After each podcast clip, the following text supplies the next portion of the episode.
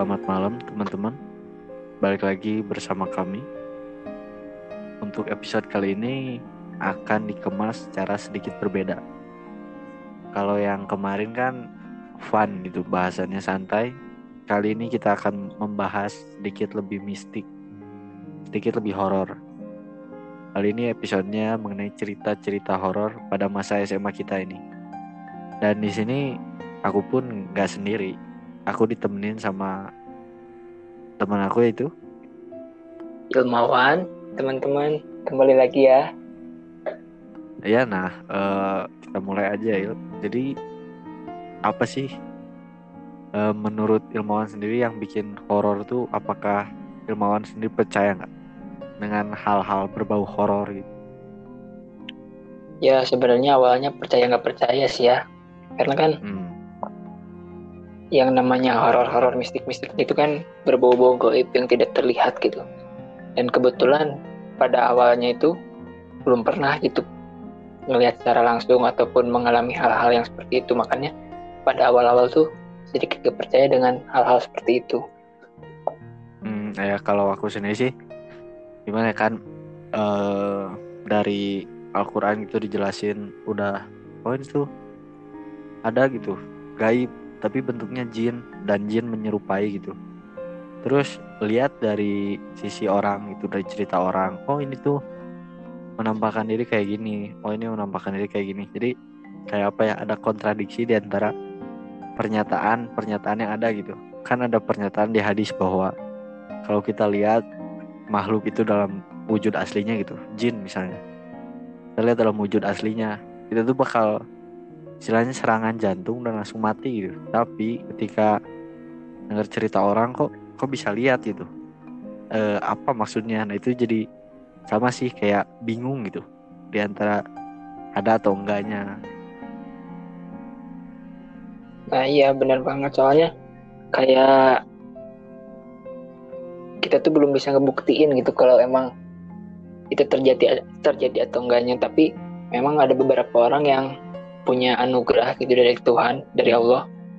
Ya. dikasih indera lebih yaitu bisa ngelihat katanya makhluk makhluk halus cuman orang-orang itu pernah bilang nih ya katanya kalau misalnya kita nggak kuat nggak punya mental kuat malah kita yang jadi keringat dingin lah atau segala macam apabila kita ngelihat makhluk makhluk itu gitu.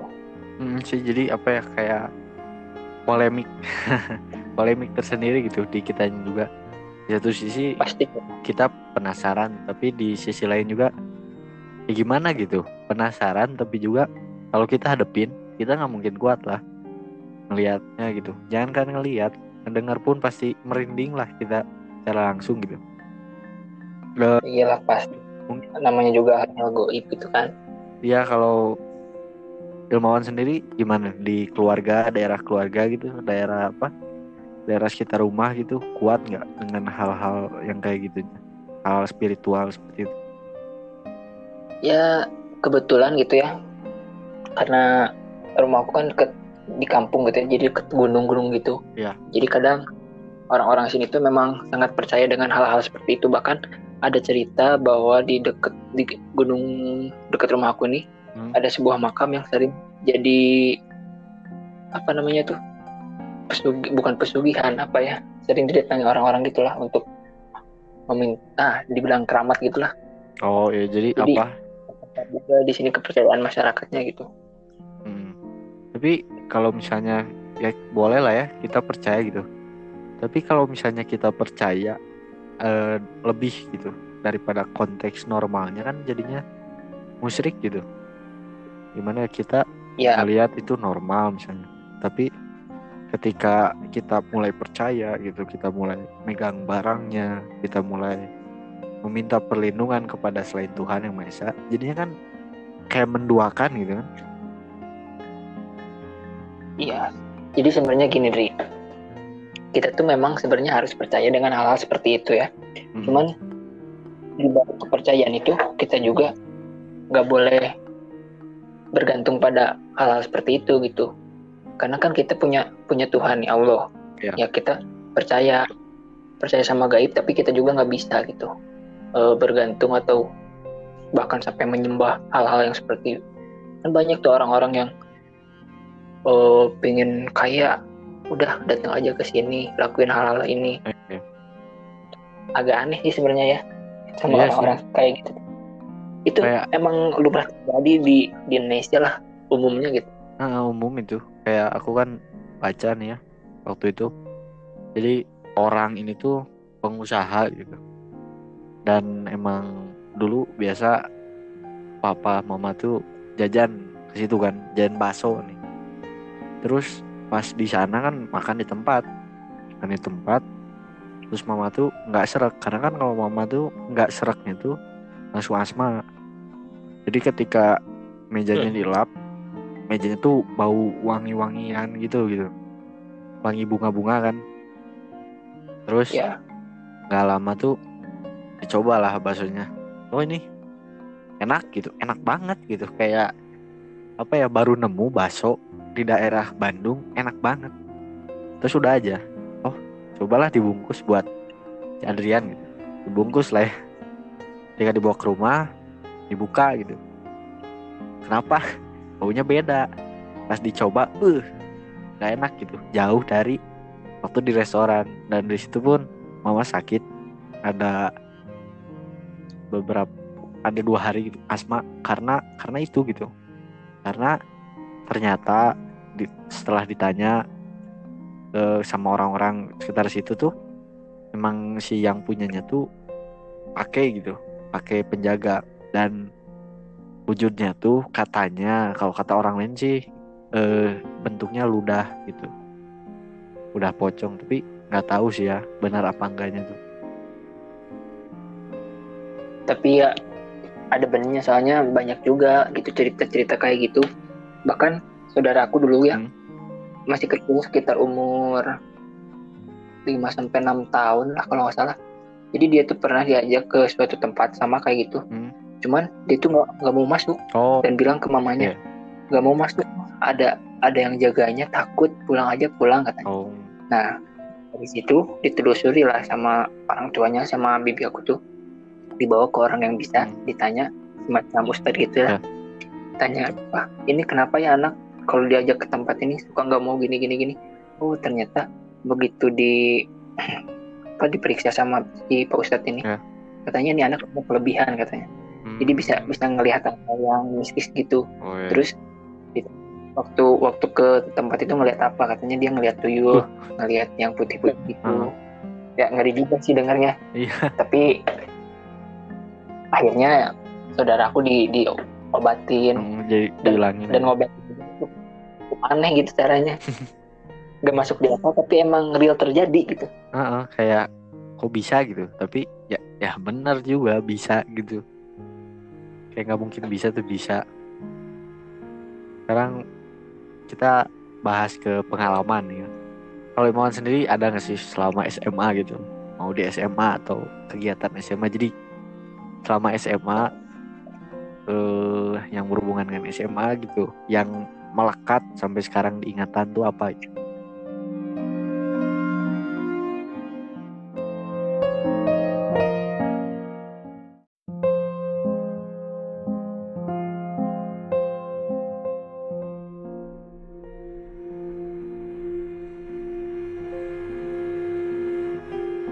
Ya jadi dulu tuh sempat pernah punya beberapa pengalaman mengenai hal-hal mistis seperti ini. Jadi dulu tuh kita tuh ada acara dari sekolah camping gitu. Hmm, emang acara pramuka gitu. Iya. di suatu daerah di lagi eh Natural Hill kalau nggak salah ya. Iya. di Natural Hill tempat campingnya.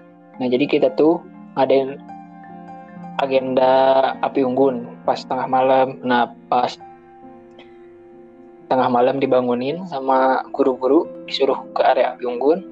Keluarlah aku tuh sama Ipong teman aku. Iya.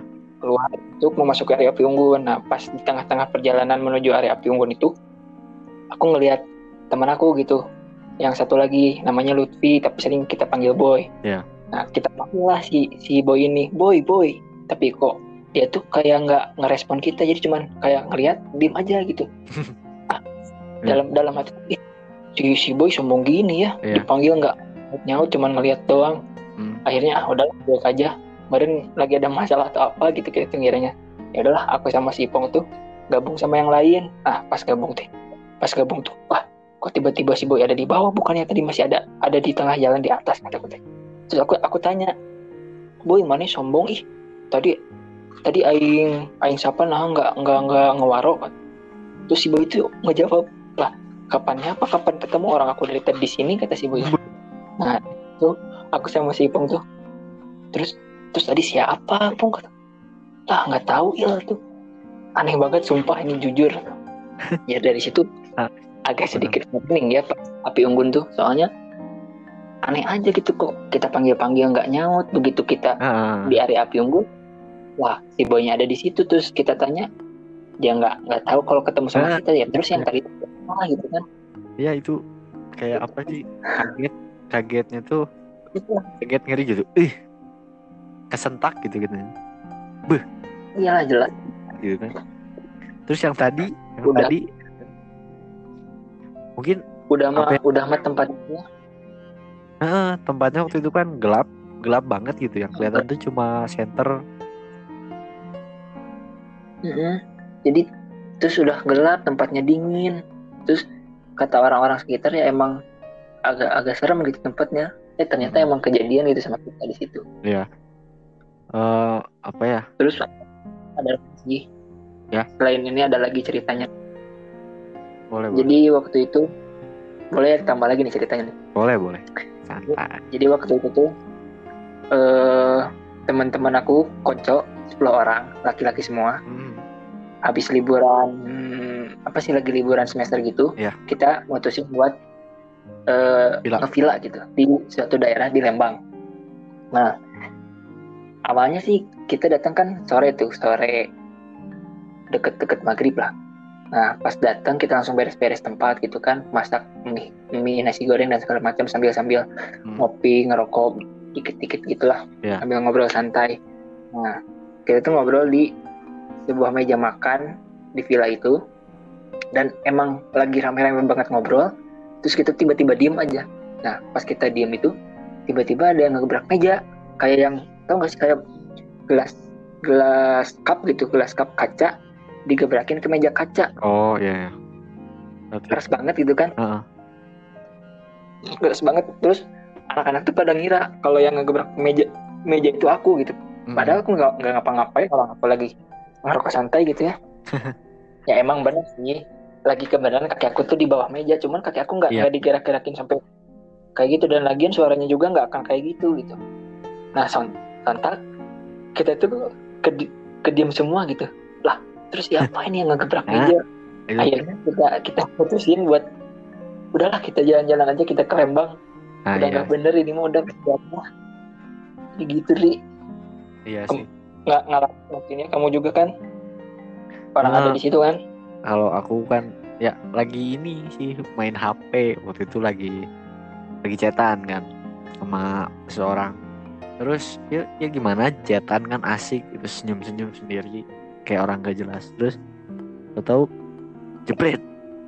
Apa nih gitu kan kayak ngegas gitu.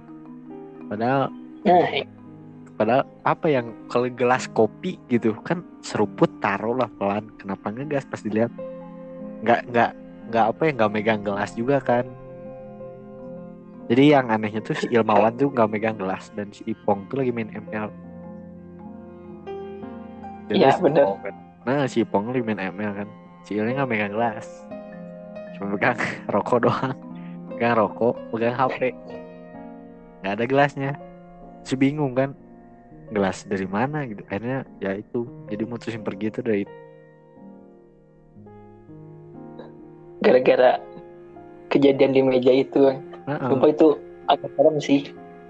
Bukan agak serem serem banget sih kalau kata aku. Nah, dalam katanya tuh pengalaman kedua kalinya gitu ngalamin kayak gitu. Heeh.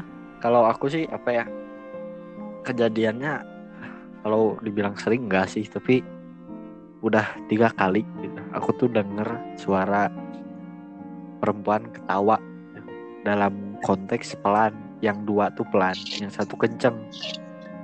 Nah yang jadi masalah tuh gini eh, jadi cerita pertama tuh waktu itu pulang habis tongkrongan makan-makan gitu kan. Makan tongkrongan pulang aja. Pas di motor tuh jadi ini tuh daerah Sriwijaya ya. Daerah situ tuh warung depannya ada pohon rambutan gede. Gede banget pohonnya sampai nutupin jalan. Jadi adem gitu kalau siang tuh. Akhirnya kan e, naruh motor di situ karena memang di situ tempat parkirnya. Langsung ma naik motor aku tuh. Nggak nggak nggak apa ya nggak mikirin gitu ada suara itu tuh udah aja lah. Balik udah malam udah disuruh balik ya udah. Pas pakai helm tiba-tiba ada orang ketawa kayak gini nih. Kayak gitulah ya ketawa. Tapi kayak deket gitu di telinga tuh. Tapi aku sadar itu tuh bukan di sebelah pas aku nengok ke belakang. Pintunya ketutup. Pintu hijau sebelah kanan aku tutup. Nengok kiri ketutup juga. Akhirnya aku sadar oh ini di atas. Akhirnya pergilah dari situ pertama kali itu dengar langsung dan perasaan pertama tuh kayak wow gitu. Oh kayak gini gitu perasaannya ketika ada yang kayak gitu dengar kayak gitu. Dan perasaan itu setelah tiga kali itu selalu sama. Jadi jantung tuh turun ke lambung gitu. Dari dada turun ke lambung. Soalnya kaget gitu. Terus yang kedua tuh waktu itu. Tapi nggak malam jam 10 yang kedua tuh jam 10 tapi orangnya tuh ketawa di seberang depan rumah. Tapi ketawanya tuh kenceng gitu aneh. Nah dari situ nggak nggak apa ya karena refleks gitu karena udah pernah dengar sebelumnya refleks langsung kabur kan manggil aja. Pah ada suara. Oh iya papa juga dengar nah dua kali lah ya. Terus yang ketiga kemarin-kemarin. Justru sempat cerita juga sebelum rekaman ini tuh ke ilmawan gitu. Pagi-paginya il waktu itu dengar ada suara. Jadi sama gitu konteksnya tuh sama aku lagi tidur. Lagi mimpi. Terus mimpinya hilang. Tapi hilangnya tuh bukan kayak jatuh atau terbang. Jadi mimpi hilang. Kayak eh, lagi nonton video di pause langsung bangun gitu. Set sadar aja. Ya. pas sadar tuh merem kan. Nggak langsung buka mata gitu. Keadaan lampu mati. Terus ya kayak gitu. Ada yang ketawa pelan tuh bisik-bisik. Lalu setelah itu ya aku refleks kan ada lagi. Refleks langsung. Wah ada lagi. Ikut numpang lah. Sehari di sini. Oh iya sok. Akhirnya tidur sama orang tua. Untuk hari itu sampai paginya gitu. Sampai subuh. Akhirnya balik lagi lah. Itu sih. Ngeri gitu. Udah Tapi- tiga kali tapi tetap Emang- tapi di daerah dekat rumah emang agak-agak mistis gitu deh waktu eh, kalau Banyak tetangga itu gitu maksudnya. Kalau keluarga aku sih bukan kayak yang mistis banget gitu. Karena eh, bukan mistisnya gitu tapi sensitif sensitif gimana ya? Kalau ada tuh oh ngerasa gitu oh ini nggak ada. Misalnya mama tuh langsung sakit. Kalau aku dari kecil tuh nggak pernah mau gitu masuk ke sini. Mau dalam kondisi apa pun. Walaupun lagi fit gitu set. Oh ini nggak nggak nggak boleh dimasukin. Nggak masuk lah. Jadi katanya aneh gitu. Di emang daerah sini tuh aneh. Soalnya tetangga ada yang bilang depan sumur ada. Karena kan di halaman depannya tuh ada sumur. Ada katanya. Terus katanya tetangga nih. Maksudnya ada gimana? Ada ada ada penunggunya yang gitu. oh. Terus eh apa ya oh ini. Waktu itu ada temen nginep jam 2 pagi. Masih bangun kan? Masih ngobrol. Terus keluar lah. Ada tang tang tang tang kayak orang pukul besi. Kayak orang sis kamling gitu Hmm. ya udah biasa lah ya. Oh eh sok-sokan gitu anak muda. Ah cek kue. Itu kan eh si bapak. Kan emang suka ada Pak RT nya kan? Ke depan aja. Hmm. pas dilihat karena aku sendiri aku tuh ngeliat ke ke seberang pagar kan set ngeliat karena di po- portalnya tuh di atas. Jadi miring gitu curam terus rada ngeliat ke atas kan pas nengok nggak ada orang suaranya hilang orangnya nggak ada tapi emang nggak ada gerakan gitu kayak emang dari tadi tuh sunyi tapi tung tung tung tung masih ada gitu sisanya tuh gemanya masih ada pas datang tuh. Pas lihat beh uh balik lah balik lagi langsung cerita eh ya kia kia kia angges di sarewe tidur lah. Akhirnya ya gitu. Jadi memang daerah sini tuh nggak terkenal horor karena aku sendiri udah bangun 24 jam gitu. Jadi dalam jam satu pagi udah pernah kamar mandi. Jam 4 subuh pernah gitu. Jadi setiap jam pasti pernah kamar mandi. Tapi horornya tuh selalu di luar. Untungnya nggak nggak pernah dalam rumah semoga aja nggak lah ya tapi ya masalah yang suara kecil sama suara besar tuh aku pernah pernah dengar mitos bahwa kalau misalnya ada suara Hmm. suaranya tuh pelan banget berarti si, si makhluk astralnya itu ada di dekat kita cuman kalau misalnya ada suaranya yang jauh ada Eh. di yang jauh tempat yang jauh Ah. eh kalau ada yang tempat jauh berarti itu dekat kalau di kalau suaranya dekat berarti itu jauh kebalik salah oh iya ya katanya ngeri sih ya tapi oke gitu ya wallahu alam sih Hmm. Tapi kalau aku rasain sih eh, kerasa sih kalau aku mah ngedengarnya tuh kerasa kayak orang ngomong kan 360 derajat tuh kerasa oh ini ngomongnya di di daerah kanan kita atau serong serong kanan di belakang kita kan bisa tahu gitu. Nah aku sih ngerasanya kayak gitu gitu. Karena kalau misalnya di daerah sini daerah rumah tuh karena emang malam-malam tuh sunyi. Jadi ada suara toke di pagar juga tetap kedengaran sampai kamar. Jadi itulah Gak serem tapi asik. Kadang asik sih. Lucu gitu. Setelahnya tuh lucu tapi waktu ngerasainnya yang gak lucu. Ngeri ngeri. Deg-degan ngeri. Heeh. tapi ya misalnya udah terbiasa gitu sama hal-hal kayak gitu Hmm. kalau ada bunyi-bunyi itu ah ya udahlah ngapain sih? gitu. Ya, ya. kalau mau apa ketawa aja gitu jangan ganggu gitu. Iya. Asal asal nggak ngeganggu ah, ah, ya nggak apa-apa lah mungkin kalau sering sih sebenarnya banyak suara-suara kayak gitu. Heeh. kalau aku sih apa Cuman- ya ngelihatnya tuh kalau kalau misalnya ada kejadian kayak gitu tetap sadar gitu. Tetap sadar bahwa itu tuh masih ada kita. Jangan sampai kita tuh los soalnya sering kali orang tuh kayak apa ya diem gitu. Ngerti gak sih Il? kayak kaget shock. Ya kaget diem. Shock sekaligus Hmm. panik. Jadi kan dia tuh mau gerak tapi nggak bisa. Nah itu tuh sebenarnya bukan karena makhluknya sendiri tapi karena re- reaksi tubuh kita terhadap ada ancaman gitu. Ya karena itu eh, reaksi dari dulu memang dari zaman nenek moyang kita tuh udah kayak gitu gitu. Kita didesainnya. Kalau ada ancaman pasti panik. Tapi karena ancamannya kita nggak tahu kita paniknya berkali-kali lipat. Itu sih. Jadi harus ingat ingat Allah. Kalau bisa ingat Allah. Kalau nggak bisa ingat diri sendiri untuk biar sadar lah. Itu. Jangan sampai kosong pikirannya lah. Mm-mm, kalau gitu misalnya sih. kosong tuh gampang gak sih? Kayak muncul atau kayak gitu ya kalau muncul sih enggak. Cuman kalau misalnya kita pikiran kosong di saat seperti itu malah kita yang kemasukan gitu. Oh iya sih. Makanya harus zikir sih kalau umat muslim zikir lah. Ngadepin hal kayak gitu ya baca minimal al surat al ikhlas atau surat-surat pendek yang lain gitu kalau misalnya kita lagi ada di posisi kayak gitu. Cuman kalau buat aku pribadi sih ya nanggepin hal-hal kayak gitu karena udah terbiasa gitu ya mungkin di rumah cuma ada suara-suara kayak gitu. Jadi ah ya udahlah ngapain sih ditanggepin banget gitu. Nanti juga hilang sendiri. Iya. Justru karena rasa takut kita si hal-hal yang kayak gitu tuh malah makin jadi gitu.